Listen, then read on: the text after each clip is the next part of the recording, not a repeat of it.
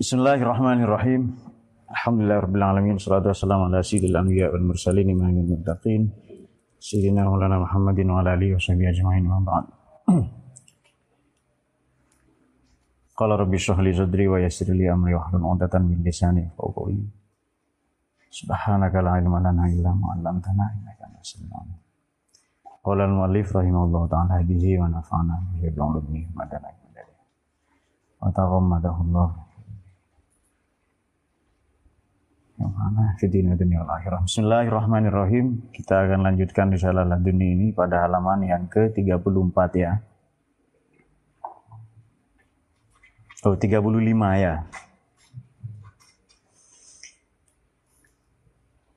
Ya, ini pendapat para sufi setelah sebelumnya kita uh, membaca mengenai ayat wa nafakhtu fihi kemudian fanafakhna fihi mir ruhina. Masih berbicara mengenai jiwa dan ruh insani. Atau kemarin disebut an-nafsun natiqah ya jiwa insani jiwa rasional. Wa qala qaumun minal mutasawwifah ini juga nanti ada penjelasan sedikit mengenai otak manusia karena memang buku ini ditulis ketika beliau sudah menjadi seorang mutasawwif.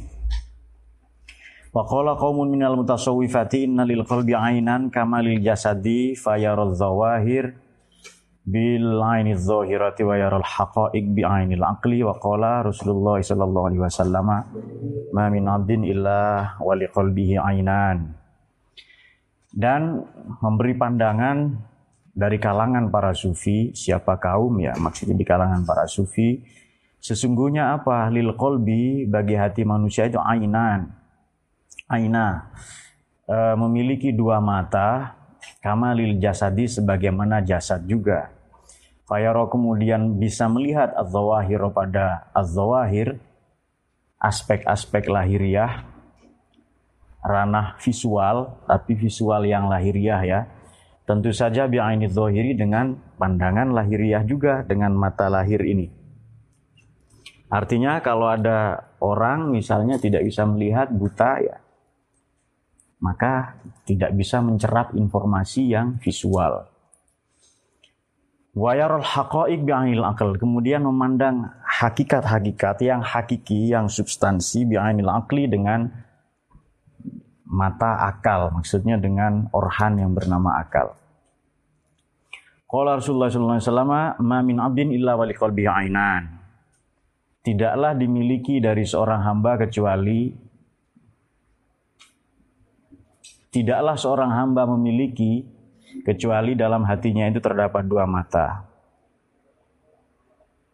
Tidaklah seorang hamba itu memiliki ya terjemahan gampangnya hati ini punya dua mata Wahuma ainan yang huma adapun ainan itu adalah yakni dua mata yang yudriku mengenali bihima dengan keduanya dengan dua mata itu al ghaibah pada yang goib. Ini ada keterangan di bawah lemah jidul hadisan anin nabi wa innama rawahu Abu Nuaim fil hulyah fil hal. Kalau merujuk Abu Nuaim ini berarti mungkin yang dimaksud bukan fil halah ini tapi fil hulyah ya Hulyatul Aulia wa Tabaqatul Asfiya dan Ibnu Asakir.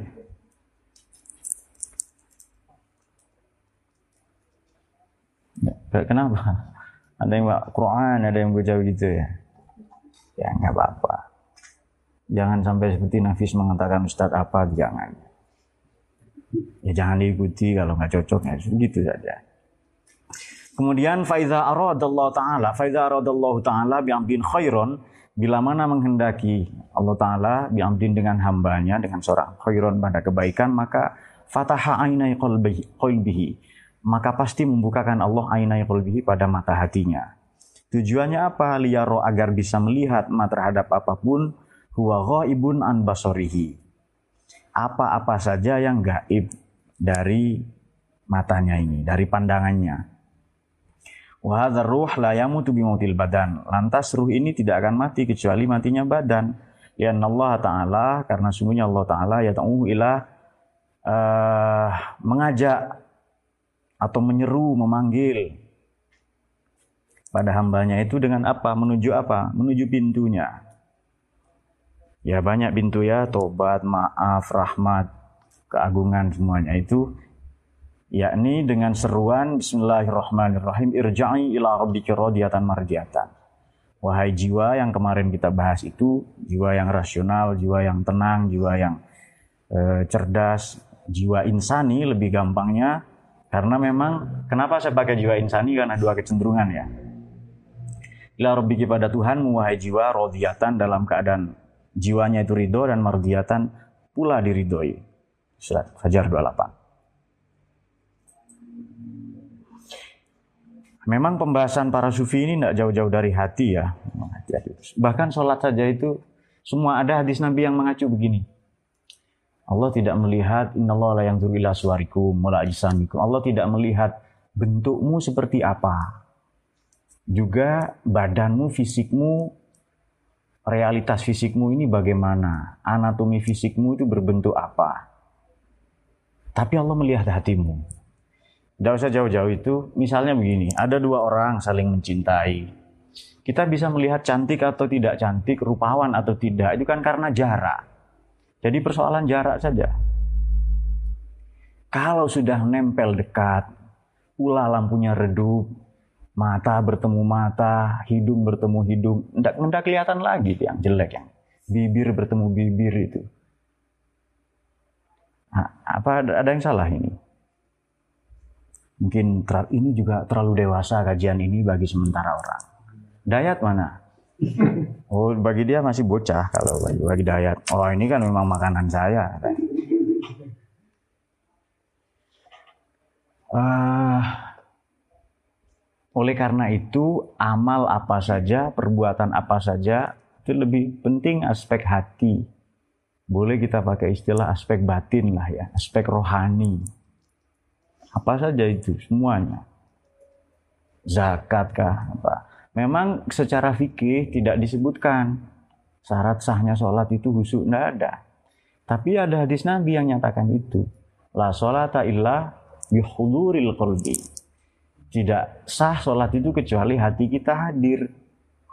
Doa itu juga tidak diterima an bin ghafil. Inna Allah la yakbalu doa an bin ghafil. Mungkin ditulis ya.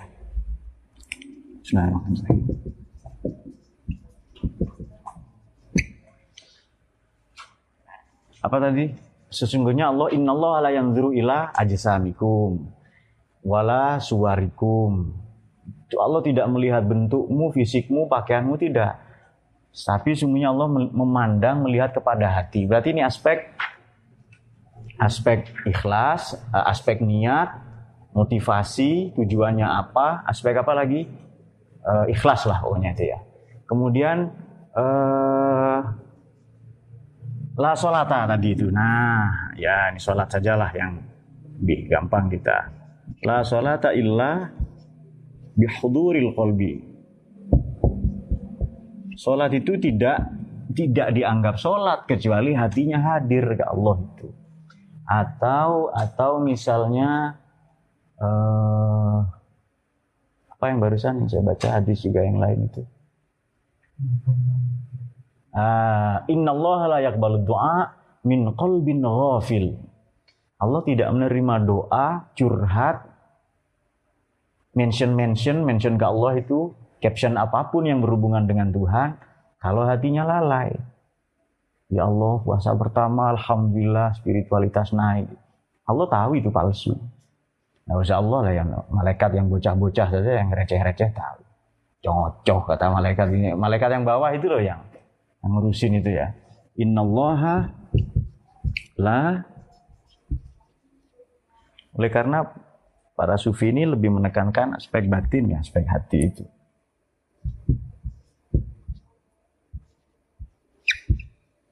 dari hati yang lalai. Ini supaya kita juga belajar ikhlas ya, kita belajar tasawuf itu. Uh, misalnya begini, ini kan ada yang seneng dalil. Dalil Qur'annya ada nggak? Ya banyak. Pol banyaknya itu. Banyak sekali. Apalagi yang nafis seneng itu yang tafsir batin, Pak. Iya nggak apa-apa. Kalau memang sudah siap, teman-teman jangan yang lain. Baqarah 238. Jagalah sholat kalian, sholatil wusto. Itu dianggap sholat mutawassitoh. Dilaksanakan dengan baik, sholat pertengahan, atau sholat apa lagi? Sholat asar. Tapi bagi kalangan sufi, sholatil wusto, jaga sholat kalian yang lima waktu. Dan sholat hati kalian. Berhubungan dengan hadis ini. Sholat illa bi khuduril qalbi. Sholat itu ya tidak diterima oleh Allah kecuali hatinya hadir. Yang formal, sholat ya lima waktu itu, kita sudah tahu semua. Tapi sholat batin, sholatnya hati bagaimana? Makmuman lillahi ta'ala. Seluruh ketundukan kita, makmum kan tunduk itu. Taat kepada Allah itu baru sholat hatinya itu. Baru nanti sesuai dengan hadis Nabi bagaimana la sholat liman la yanha anil fahsya iwal mungkar. Orang yang perilakunya belum terhindar belum menghindarkan dari keterlanjuran, kepalsuan, kecerobohan bernama fahsya dan mungkar, fahish, fahisyah dan mungkar, tidak dianggap sholat. Secara fikih, secara jasmani, jasmani sajalah ya, jangan fikih. Secara lahiriah, ia sudah sholat. Sah atau tidak? Ya sah, manakala syarat rukun dipenuhi. Tidak melakukan yang membatalkan sholat. Sholat sambil apa melayani chatting di grup WA misalnya itu sudah sudah dianggap sah. Kalau sholatnya hati, ya ya husuk lah itu, itu terjemahan gampang. Syamsul Qadir Jilani menjelaskan ini dengan panjang lebar mengenai hati yang sholat ini. Salah satunya apa misalnya? Hati itu sholat, ya karena memang hati ini sudah masjid ya. Di samping Baitul Makmur itu. Apa pun yang berupa ketundukan kepada Allah itu, ya berarti sholat, kasih tanda kutip, takut salah. Kalau ini kita dalam rangka taat tunduk kepada Allah, ini juga sholat. Lazim sering kita pakai bahasa sholat di luar sholat. Artinya sholat secara formal ya takbir sampai salam, tetapi makna lebih luas supaya kita fasya anil, anil apa tanhanil fasya wal mungkar di Quran di hadis juga ada dua-duanya kita menjaga nilai-nilai sholat itu dari salam sampai takbir berikutnya.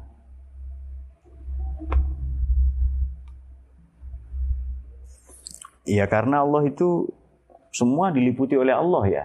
Maka kita menghindarkan diri dari murkanya. Karena memang semua ini diliputi oleh Allah semua. Menghindarkan diri. Ya duduk, berdiri di pasar, di parlemen, di sekolah, di rumah tangga, di mana-mana itu. Nah, maka nanti oleh para sufi ini dihubungkan dengan Nur Muhammad. Ya, Muhammad secara spiritual. Supaya tidak terlalu jauh ya. Pokoknya terjemahan gampangnya adalah khusyuk itu sajalah. Eh, kalangan-kalangan di luar ahlu sunnah tentu tidak percaya seperti ini. Mana ada sholat hati mana? Ngarang-ngarang katanya. Mana dalil itu? Ya banyak kalau mau kita kemukakan ya.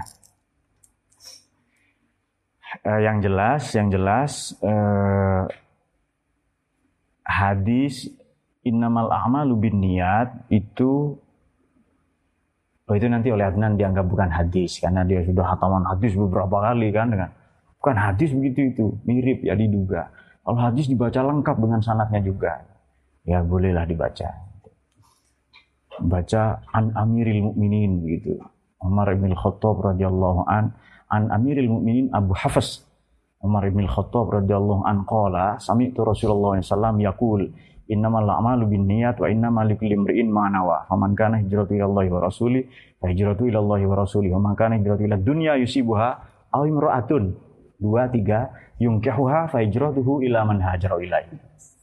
Rawahul Bukhari wa Muslim. Itu baru hadis itu. Tapi belum lengkap, harus dibaca sanatnya semua itu nanti. Baru hadis. Nah, itu hadis itu katanya. Kalau yang cuma inal all giniat diduga mirip hadis. Mirip hadis. Bismillahirrahmanirrahim. Wa inna ma huwa yufariku. Hanya saja, hanya saja uh, uh, uh,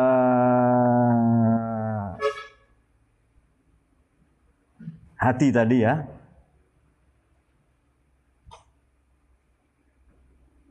Iya betul. Jiwa ya. Yuf, hati yufariku berpisah manakala berpisah kemudian uh, ridu dan menyingkir atau menjauh anil badani dari badan faman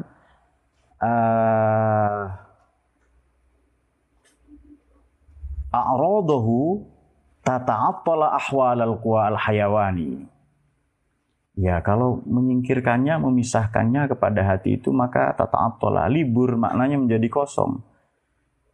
Aspek-aspek kekuatan hewani maupun tobi'i kemarin, jiwa hewani tobi'i itu, fayaskunu maka diamlah al-mutaharrik. Fayuqalu lidzalika sukun al-maut. Kediaman itu dimaknai mati uruh kalau pergi ya.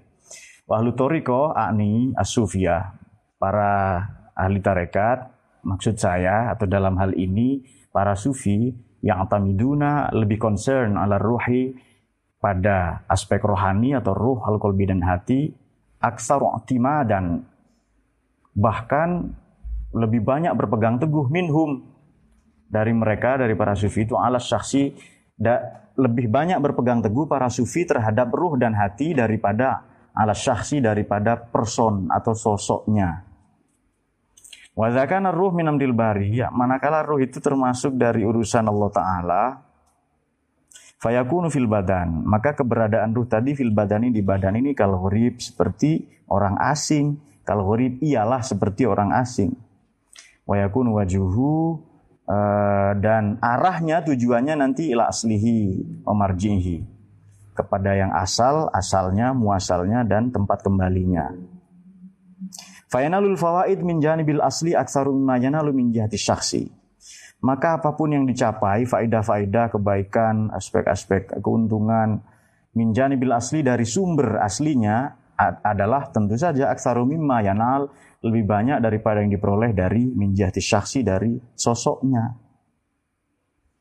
Zakawiyah manabala manakala atau bila-bila tetap tetap kuat apa ruh tadi walam yudannas dan tidak dikotori di adnasit tabi'ah dengan kotoran-kotoran natur kita, watak kita, itu catatannya tadi. Baru nanti kita mendapatkan apa? Sumber yang manfaat, eh, perolehan-perolehan, keuntungan-keuntungan yang lebih banyak. Eh, tentu saja daripada dan siapa itu ada orang yang ganti hati itu loh ya Pak. Eh, siapalah itu ya ganti hati, transplantasi hati, hatinya diganti Ah ya itu Bapak. Tapi isi hatinya tidak berubah. Berarti yang dimaksud hati itu bukan itu oleh para sufi, bukan orhan. Hatinya di, di, kenapa isinya tidak berubah? Sifatnya tetap begitu, karakternya, perilakunya, keputusan-keputusannya. Berarti yang dimaksud oleh sufi bukan itu, hati itu. Dan kolbun ini kan yang berbolak-balik maknanya oleh para sufi kerap kali kof itu diganti ka, kalbun. Menggonggong terus dia. Harus kasih daging, kasih tulang. Supaya tidak menggonggong, maknanya dikasih wiritan, kasih zikir, kasih asupan, nutrisi-nutrisi spiritual. Zalimta kalau kamu sudah tahu, kalau anda sudah sampai pada pemahaman ini, anna ruh adalah jauhar farod, ruh itu jauhar farod, substansi tunggal, Walimta dan kau juga sudah tahu anal jasad bahasanya jasad ini la buddalahu minal makan uh, butuh akan tempat mau tidak mau butuh akan tempat. Sementara uh, kalau kau sudah tahu ya, bahwa bahwa ruh ini apa? Jawhar farod ya nanti kemudian badan juga membutuhkan tempat, maka wal arad la yabqa illa bil jauhar. Arad itu tidak mungkin ada. Tidak mungkin berfungsi. Bergerak metabolismenya, tata kelola di dalamnya kecuali bil jauhar dengan yang substansi tadi. Karena kalau tidak ada benda mana ada bayangannya. Malah mana jauhar ketahuilah jauhar ini, substansi ini, layahillu fi mahallin. Tidak menempati tempat. Walayas kunu dan tidak pula mendiami fi makan di satu tempat. Tidak butuh tempat, tidak harus berada di mana. Walaisal badan dan bukanlah badan. Maka nur ruh tempat bagi ruh ini. Wala mahalul qalbi dan tidak pula sebagai tempatnya hati. Bal akan tetapi al badanu badan itu adalah alatur ruh. Piranti-pirantinya ruh, piranti keras maksudnya ya, hardware. Wa adatul qalbi dan uh, uh, uh, uh, peralatan atau perantara adat. Sama di sini dia maknanya alat dan adat ini. Sarana, sarananya hati, wamar kabun nafas dan kendaraannya nafsu kendaraannya jiwa. Waruhu adapun ruh itu adalah zatuhu zatnya. Ghairu muttasilin bi ajza'il badan wala munfasilin anhu. Uh, uh, uh, tidak terpisah oh tidak menyatu dengan bahagian maaf tidak menyatu tidak menyatu bi ajza'il badan dengan bahagian-bahagian badan wala munfasilin dan tidak pula terpisah darinya dari badan balu mobilun alal badan. Ia terima semua reseptif pada badan itu mufidun lahu, mufidun alaihi.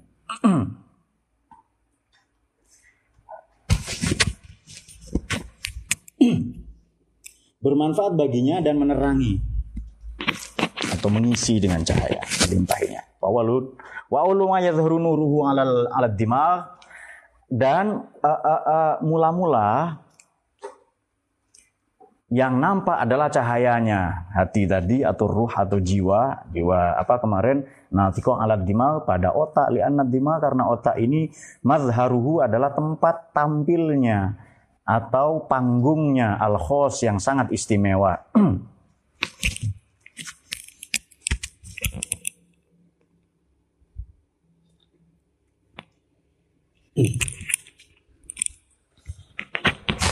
Ittakhza min mugaddamihi. Saya tadi yang membaca-baca sedikit mengenai otak ini. Kenapa sih dibagi tiga begini oleh Imam Ghazali ini ya? Ternyata saya sudah temukan.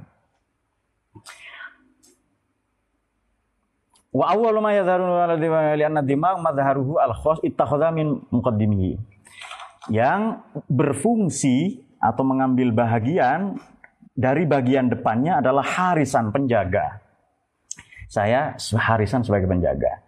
Rupa-rupanya otak bagian depan ini di samping sebenarnya secara umum dibelah dua kan otak kan kanan kiri itu. Bagi yang punya lo ya, bagi yang punya. Otak bagian depan itu saya baca fungsinya adalah menerima, e, memproses dan menjaga informasi. Maka beliau pakai bahasa menjaga di sini. Otak bagian depan menerima, memproses, dan menjaga informasi. Maknanya apa? Berpikir, memahami, merasa, juga kendali-kendali pada motorik atau otot. Otot itu bukan urat-uratnya bukan. Uh, otot itu dagingnya itu loh yang berbentuk-bentuk apa itu ada yang kotak-kotak atau dan, dan sebagainya. Kalau yang biru-biru itu yang nampak hijau, maka dahulu orang disebut darah biru. Itu orang darah biru. Karena kulitnya putih, ketahuan itu warna biru urat-uratnya itu. Tapi tidak penting ya, pembalap pemuda berbadan gelap. Allah tidak melihat itu. Sidina Bilal itu kekasih Allah itu. Yang ketika Nabi Mi'raj itu mendengar suara sandalnya Sayyidina Bilal. Ini kan sandalnya Bilal ini Lalu Allah bertanya, kamu punya punya amalan apa? Metafisika setelah ngaji di salah. Oh iya, ya sudah. Apa? Pusmu katanya. Bagus, bagus itu. Teruskan katanya. Kemudian kemudian wamin wasatihi waziron. Bahagian tengahnya adalah wazir. Wazir ini menteri atau pemimpin atau panglima. Otak tengah ini lazim disebut otak kecil. Sebenarnya wazir ini makna harfiahnya menanggung beban berat. Wizrun itu maknanya beban yang berat. Makanya dosa itu di Quran disebut wizrun juga. Wala taziru wazirotun gimana? Wizro wizro ukhro. Ya, seseorang tidak akan dibebani dengan dosa orang lain. Jadi wizrun itu adalah beban berat. Kenapa? Karena dosa itu berat bebannya nanti di, dunia dan lebih-lebih di akhirat. Wazir orang yang menanggung beban. Lazim diartikan menteri, perdana menteri atau panglima. Kenapa otak tengah dimaknai demikian oleh Imam Ghazali itu? Karena otak tengah ini punya fungsi yang kalau bahasa kerennya nukleus dan substantia nigra. Nukleus itu inti. Panglima kan intinya kan itu kan. Kalau apa main skak, main catur itu panglimanya sudah kemakan itu sudah alamat mati gitu itu.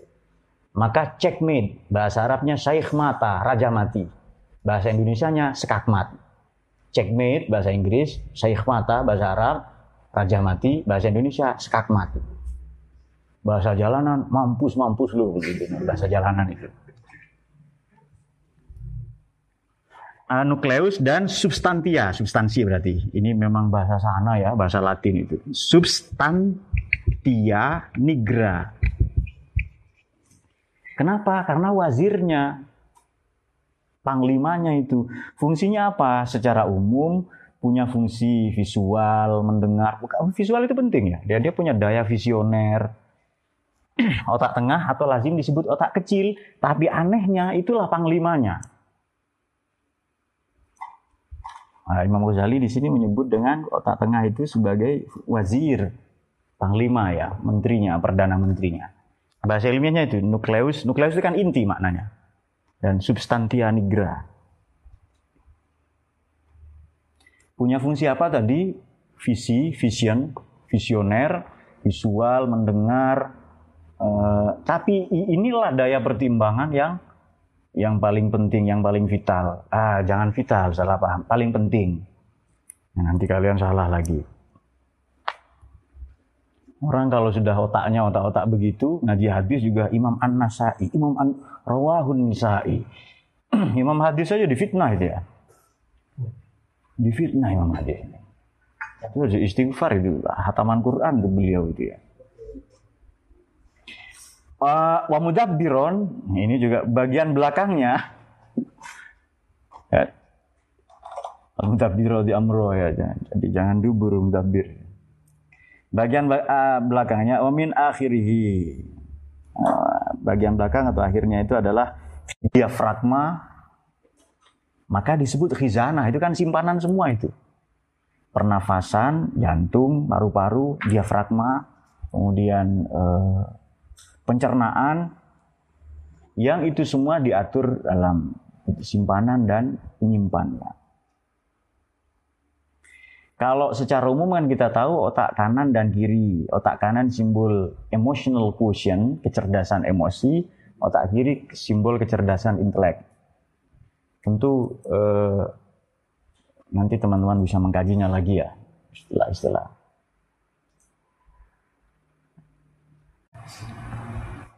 Sudah dibersihkan, ya, santai saja.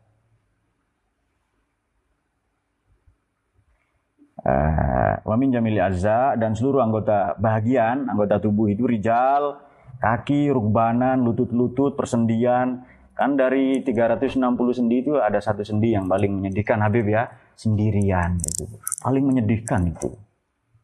Ada nggak yang lebih serem daripada jalan di hutan malam-malam? Ada jatuh cinta sendirian ya ini nggak mau jatuh cinta sendirian saya mau bertiga pak katanya. Lu kok tiga? Satunya cadangan katanya. Kan ada kekasih cadangan atau apa ya. Eh, kemudian kemudian. Waminar ruh al hayawani khodiman. Dan ruh hewani jiwa hewani itu sebagai khodim pelayan. Waminat tobi'i wakilan. Ruh tobi'i itu jiwa tabi'i yang kemarin uh, natur natur kita watak kita adalah wakil wakilnya waminal badani dan badan itu menjadi jadi Kaki yang dimaksud tadi seluruh anggota tubuh, kaki, lutut semua uh, uh, uh, uh, dan ruh hewani menjadi pelayan atau sebagai fungsinya, fungsinya. Nah, fungsinya lebih tepat. Waminat tobi'i dan ruh tobi'i, jiwa tobi'i itu sebagai wakil. Dan badan ini sebagai atau fungsinya sebagai atau menjadi kendaraan. Dunia ini menjadi maidanan, medannya, arenanya, panggungnya. Waminal hayah bido'atan wa malan. Kehidupan ini sebagai harta dan uh, materi, uang. Waminal harokati tijarotan. Geraknya adalah mu'id. Mana orangnya? Nah itu dia, tijarot. Komoditas, dagangan. Waminal ilmi rabahan. Ilmu sebagai keuntungan. Waminal akhirati maksudan marja'an. Tujuan dan tempat kembali. Wa minasyar'i tariqatan wa minhajan atau manhajan. Syariat itu sebagai tarekat dan sarananya, medianya. Wa nafsil amaroh harisan wa naqiban. Wah ini dia nafsu amaroh. Ini sudah tidak perlu kita bahas ya, karena sudah sering. Nafsu amaroh lawamah. Nafsu lawamah manhaban, rampasan. Wa minal hawas jawasis. Uh, uh, uh, apa? Monil hawas. Indra-indra ini sebagai jawasi swawanan mata-mata dan sekaligus pembantu. Waminadin dar'an. Agama sebagai daro apa maknanya daro ini ada yang tahu apa oh iya benteng ya, tameng iya bahasanya zen itu ya Ya betul. Akal itu gurunya ustadznya. Minal his tilmizan. Rasa itu muridnya. Rabb subhanahu wa ta'ala mirai hadhihi kulliha bil mirsad dan Allah itu inna rabbaka labil mirsad. Allah itu memberi jalan di balik ini semua. Inna rabbaka labil mirsad ada ayat Quran yang demikian ya. Al ayat wa nafsu bi hadhihi sifah ma hadhil alat ma aqbalat ala hadhihi syakhs al-kasif wa mattasalat bidatihi bal tuniluhu al-ifadah. Wa nafsu jiwa bihadis sifat dengan karakter ini, sifat ini, atribut-atribut ini, ma'akbalat. Dengan alat-alat ini ya, dengan perantara, apa-apa alat-alat tadi. Ya sarana-sarana lah piranti-piranti ini. Ma'akbalat ala hadha syahs. Tidak menghadap, atau tidak menerima. Tidak menerima sosok atau pribadi apa kemarin yang tebal ya, yang rimbun, yang masif, yang lebat, pokoknya sesuatu yang kasar, aspek-aspek yang kasar.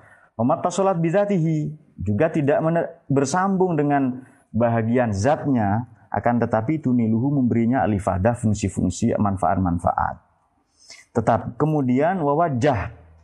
Uh, wawajahaha dan menghadapkan semua alat tadi itu ila bariha pada penciptanya. Wa amaru bariha bari, wa am rubariha bil istifadah. Sebentar ila ajlin musamma dan memerintahkan bariuha penciptanya itu bil istifadah dengan mencari manfaat ila ajlin musamma pada pada arah yang ditentukan arah yang baik ya akhirat ya nur Muhammad ya agama farruhu la fi muddatin hafi muddati hadha safar illa bitolabil ilmi. Ruh tidak sibuk pada momen ini, masa ini, pada perjalanan ini kecuali dengan menuntut ilmu. Lian al ilma yakunu hilyatuhu. Karena ilmu itu menjadi perhiasannya. Fidaril akhirat kelak di akhirat. Ya hilyatul mal karena perhiasan dari harta benda wal banin dan anak-anak zinatun hayat zinatu hayati dunia adalah ya perhiasan kehidupan dunia saja yang temporal yang sementara. Fakama lainnya masgulatan. Maka sebagaimana mata ini masgulah. Tadi mal harta anak, banin harta uh, mal harta, banin anak-anak, zin atau hayat di dunia. Itu hanya perhiasan dunia saja. Maka sebagaimana sebagaimana annal aina masgulatan biru yatil manzurot sebagaimana mata ini sibuk disibukkan biru yatil mangzurat dengan memandang melihat panorama-panorama wasam'a muwadhab muwadhabun ala istima'il aswad dan uh, telinga ini menjadi bahagiannya muwadhabat tugas-tugasnya. Bagi tugas-tugasnya adalah mendengar suara-suara wal lisan. Dan lisan ini musta'id dan litarkibil akwal mempersiapkan susunan kata-kata. Waruhul hewani hayawani ruh hewani itu adalah murid muridul muridul lazzatil ghadabiyah. Hanya menghasrati kelezatan-kelezatan emosi, kelezatan amarah, temperamen.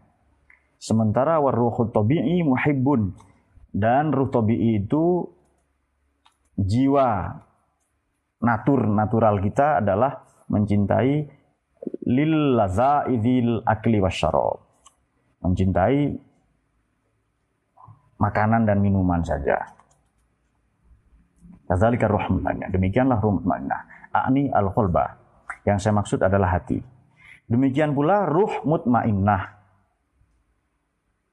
Jiwa insani, jiwa yang tenang, jiwa yang uh, dikuatkan oleh Allah adalah hati maksud saya la yuridu illal ilma. Tidak menghasrati jiwa rasional itu kecuali ilmu, wala illa bihi dan tidak ridho kecuali dengan ilmu. Wa yata'allamu serta menuntut ilmu tula umrihi sepanjang hayatnya, sepanjang hidupnya, umurnya.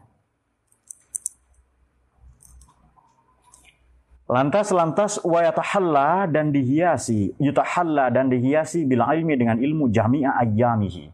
Seluruh hari-harinya ila waktin mutafariqatin sampai tiba waktu mati. Waktu berpisah maknanya waktu mati. Ila waktin mutafariqatin sampai tiba waktu berpisah ya. Berpisah dengan badan, manfus ya, tidak bernafas. Bahasa Arab ternyata. Manfus itu. Ya, ada ayatnya ya, banyak ya. Manfus itu ada banyak di Quran itu. Ya. Di masjid yang sana, Jalan Sidomaju itu. Ada yang kata teman kita itu Ustadz Kretek itu bacanya manfus manfus tok dulu itu ya. Ada memang ya tidak apa-apa, tujuannya baik kan baca Quran. Menurut yang bersangkutan sudah ini suara terbaik, ini kualitas terbaik. Tapi menurut tajwid salah. Allah tidak melihat itu, melihat motivasinya. Maka kemarin dikatakan begini. Kenapa sih manusia ini ribut, berantem? Coba kita belajar kepada cinta kasih yang dibangun para sufi itu. Yang memaknai la ilaha illallah sebagai la mahbuba illallah. Tidak ada yang pantas dicintai kecuali Allah. Misalnya Sayyidah Robi'ah kemudian siapa uh, Imam Junaid, kemudian Husain bin Mansur Al-Hallaj. Mereka semua orang yang spiritualitasnya tinggi, pasti penghargaannya, cinta kasihnya pada kemanusiaan juga tinggi. Misalnya, sedikit saja ya. Kenapa sih Al-Hallaj ini, Husain bin Mansur uh, uh, apa Syahid, sang martir bernama Al-Hallaj. Sering kita kaji ya di sini ya uh, menganggap iblis dan Fir'aun itu sebagai guru dan temannya.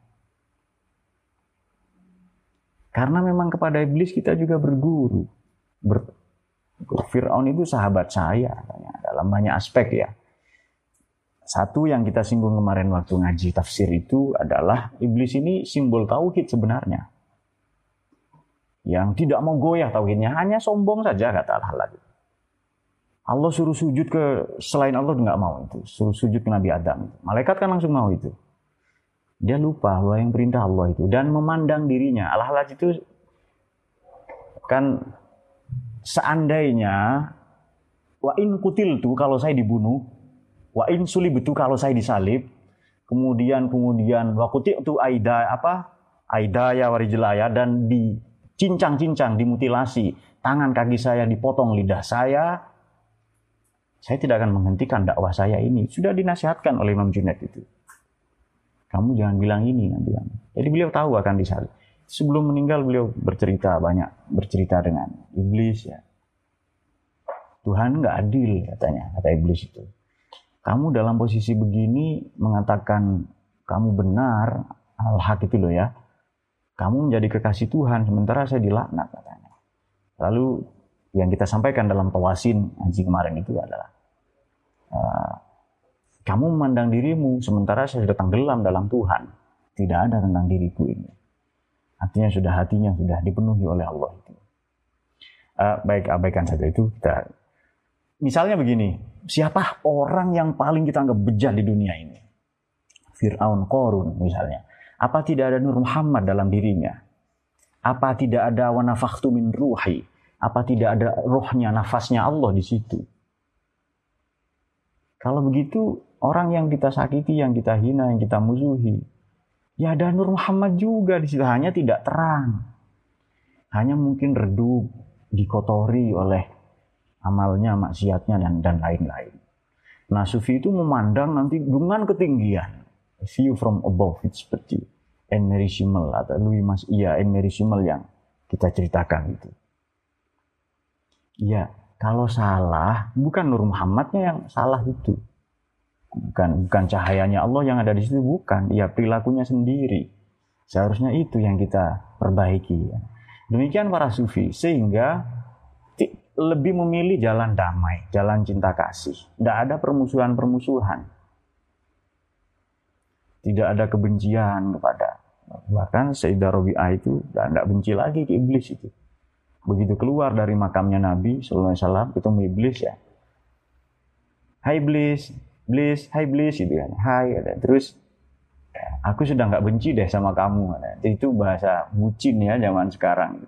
Saya sudah tidak benci pada kamu. Kenapa? Dalam hati saya sudah dipenuhi oleh cinta. Ada berapa kasih Allah begitu. Uh, maknanya apa? Kita belajar dari mereka. Mereka inilah contoh-contoh perilaku para nabi, para rasul. Di risalahnya Rosailnya Imam Junaid juga diungkap itu panjang lebar. Apa sih karakter wali itu apa? Sufi itu apa? Salah satunya adalah ketika beliau katakan,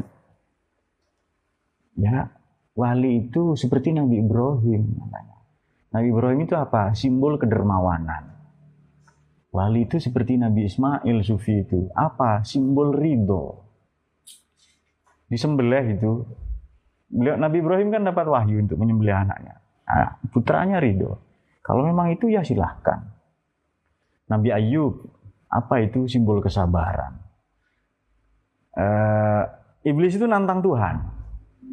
Itu kalau anaknya mati semua, istrinya pergi semua, dan harta bendanya hilang semua, dia pasti berubah imannya.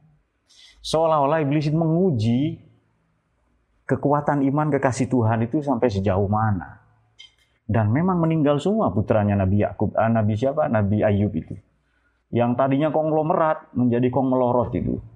Melorot semua nilai uangnya, habis semua semua istrinya meninggalkan, tinggal satu saja. Dan beliau ditimpa penyakit yang berbau busuk ya, sampai diasingkan. Eh, ya tetap tidak berubah imannya itu.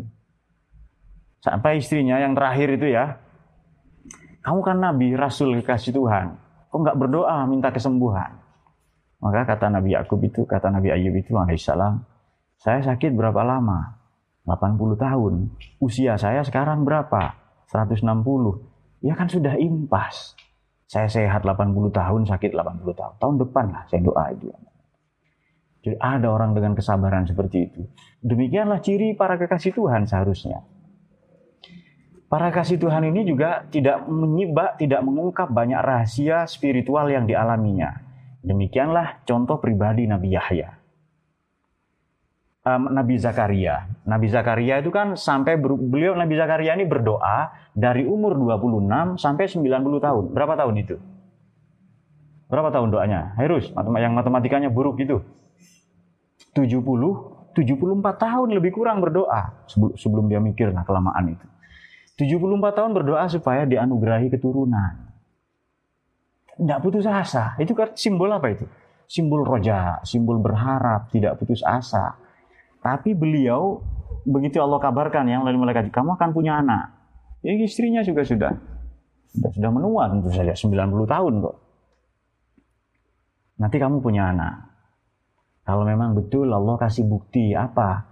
Kamu tidak akan bisa berkata-kata tiga hari kecuali dengan bahasa isyarat. Maka para kekasih Tuhan ini ya khairul kalam maqalla wadalla. Tidak bicara kecuali diminta. Hanya tahunya platform ya itu tok disampaikan di mana-mana. Bosen dengerin itu kan. Nah, tidak tidak begitu. Langsung apa katanya Habib ya? Sini ini rokok. Dengerin ya saya ceramah itu. Nah, enggak, enggak langsung begitu karakter temannya Nabi Yahya juga tipologi uzlah semua itu para nabi itu simbol simbol itu kata Imam Junaid ya juga nanti dikutip oleh Ibn Arabi dalam Futuhatul Makkiyah ada apa? Khususul Hikam. Sampai terakhir kanjeng Nabi Muhammad SAW adalah simbol pribadi yang rendah hati. Itu yang, yang melengkapi itu semua. Yang menggenapi. Tapi beliau SAW tidak mau diistimewakan. La tusayiduni. Saya ini jangan disayidkan. Suatu ketika beliau ada makan-makan lah ya. Kemudian kata para sahabat, saya yang nyembelih kambingnya atau untanya. Kata sahabat satunya lagi, saya yang menguliti. Saya yang memasak itu. Engkau duduk saja Nabi. Tidak, Nabi langsung bergegas mencari kayu.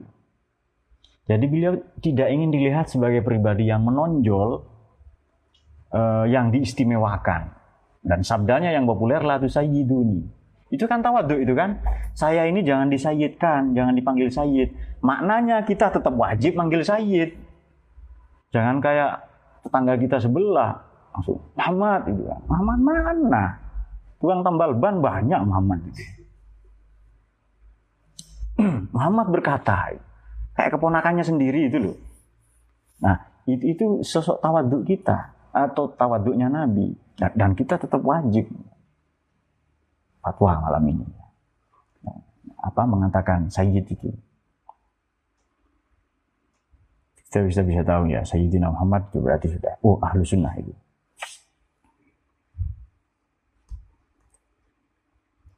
Eh, kenapa? Karena ketika Allah menyebut memanggil nama-nama nabi yang lain langsung nama. Ya Ibrahim, ya Musa, ya Yahya, ya Zakaria. Uh, apa uh, ya Isa dan lain-lain itu. Tapi begitu memanggil nabi kita, Allah tidak panggil nama. Ya ayuhan nabi, wahai nabi. Seolah-olah Allah sendiri sungkan, seolah-olah ya memanggil nama beliau itu. Itu kan bentuk bahwa Allah ini memuliakan Nabi kita. Lah kok sebagian umatnya manggil Muhammad. Tapi tidak apa-apa. Boleh jadi mereka karena ketidaktahuan yang kemarin itu loh ya. Oh ini karena tidak tahu, tidak apa-apa. Biasa gitu. Wa tahalla bil ilmi jami' ayyamihi ila waqtin ila waqtin mufariqah pada dan menghiasi seluruh seluruh dengan ilmu ya jami' ayyami pada seluruh hari-harinya Nah, supaya apa peraturan pesantren di sini santri tidak boleh punya kegiatan kecuali kegiatan yang ilmiah. Ila waktu sampai tiba waktu mati. Walau qobala, walau qobila seandainya menerima amron pada sesuatu akhor yang lain, dunal ilmi selain ilmu, fa'in nama yakbalu sungguhnya menerima, iya ruh tadi itu, ruh apa insani tadi itu, jiwa natikoh itu alaihi kepadanya, lima selahatil badan semata-mata demi kebaikan, kebaikan atau kesehatan badan. Kok yang saya terima bukan ilmu ini, nasi. Oh itu demi kesehatan badan. La limuradidatihi wa mahabbat aslihi. Bukan uh, menjadi uh, karena karena la limuradidatihi. Karena bukan menghendakinya limuradidati zatnya itu ya wa mahabbat asli atau mencintai aslinya. Faidah alim kalau kamu sudah tahu ahwal ruh ya mengenai kondisi perilaku ya ABCD tentang ruh ini wadawama baqaihi dan kekalnya kemudian kemudian wa ishkihi dan impresinya minatnya lil ilmi pada ilmu impresi itu minat ya. Impresi fokus apa? Apa apa? Passion passion minatnya. Kalau poison racun. Misalnya pasti sulit. Menulis bunyinya juga sulit itu.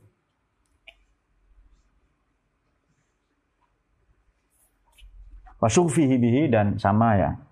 Minat tujuan hasratnya semata-mata pada ilmu. Fayajibu alaika maka wajiblah alaika bagimu anta'allama untuk belajar mengetahui asnafal ilmi bagian-bagian ilmu yang akan dibahas nanti.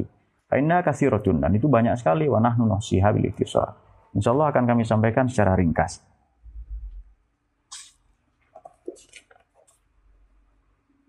Dan itu saja ya.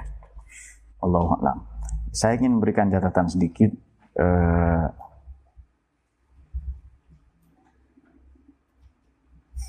mengenai yang kita ini malam ini ya, yang kita baca. Allah memberi keistimewaan pada kita bahwa jiwa insani kita cenderung kepada ilmu. Kalau selain ilmu itu berarti hanya demi kesehatan badan ya Nah, berarti sekarang ya tergantung kitanya mau atau tidak. Kepada ilmu itu kita murid. Kalau murad sudah jelas, kita dihasrati. Didesain begitu. Tapi kan tidak semua orang memaksimalkan itu semua untuk untuk pengetahuan. Terutama kita hidup di zaman yang sekarang ini ya, yang informasi dibuka sedemikian rupa, tapi makna tidak ada. Sekarang kita banjiri informasi tetapi meaningless, nirmakna. Tidak ada artinya, informasinya banyak. Tapi artinya tidak ada. Ini juga salah satu mengapa saya apa eh, teman-teman juga ya harus membatasi penggunaan internet itu karena lebih banyak tidak ada gunanya penggunaan sosmed itu ya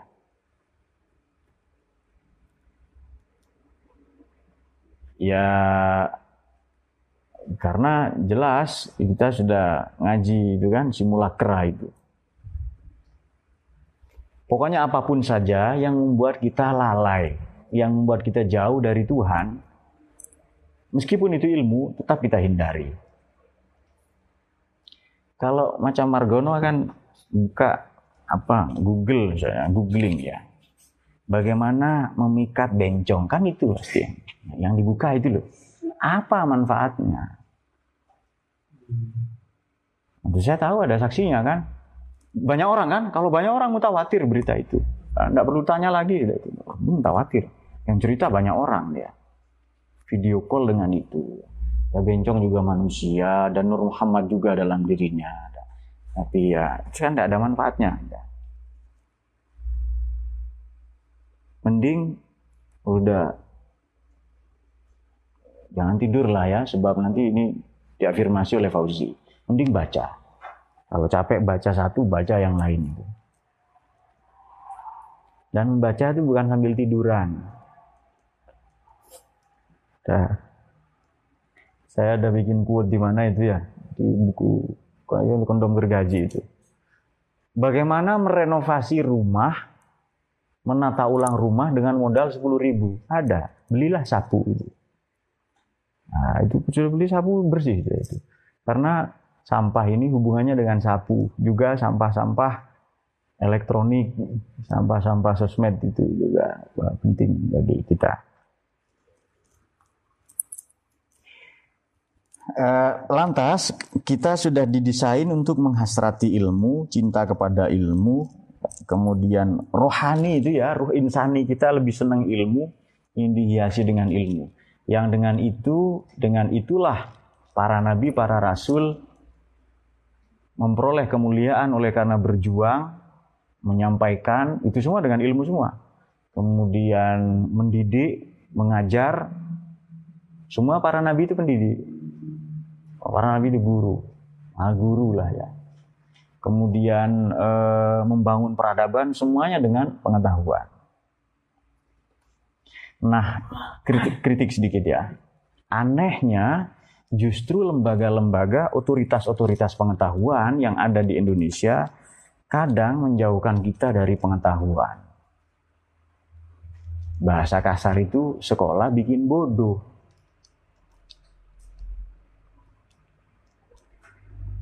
Tidak semua. Bukti, kita sebutkan beberapa. Kenapa yang pandai di sekolah bodoh menyikapi hidup? yang IPK-nya tinggi, adakah yang lebih tinggi dari 4? 6 misalnya. IPK-nya 6 misalnya, tapi indeks prestasi kumulatifnya itu loh. Tapi di kehidupan nyata dia tidak bisa apa-apa. Nah, berarti itu ada ilmu yang belum selesai di, di sekolah. Di gedung-gedung di universitas ya. Ada ilmu yang belum selesai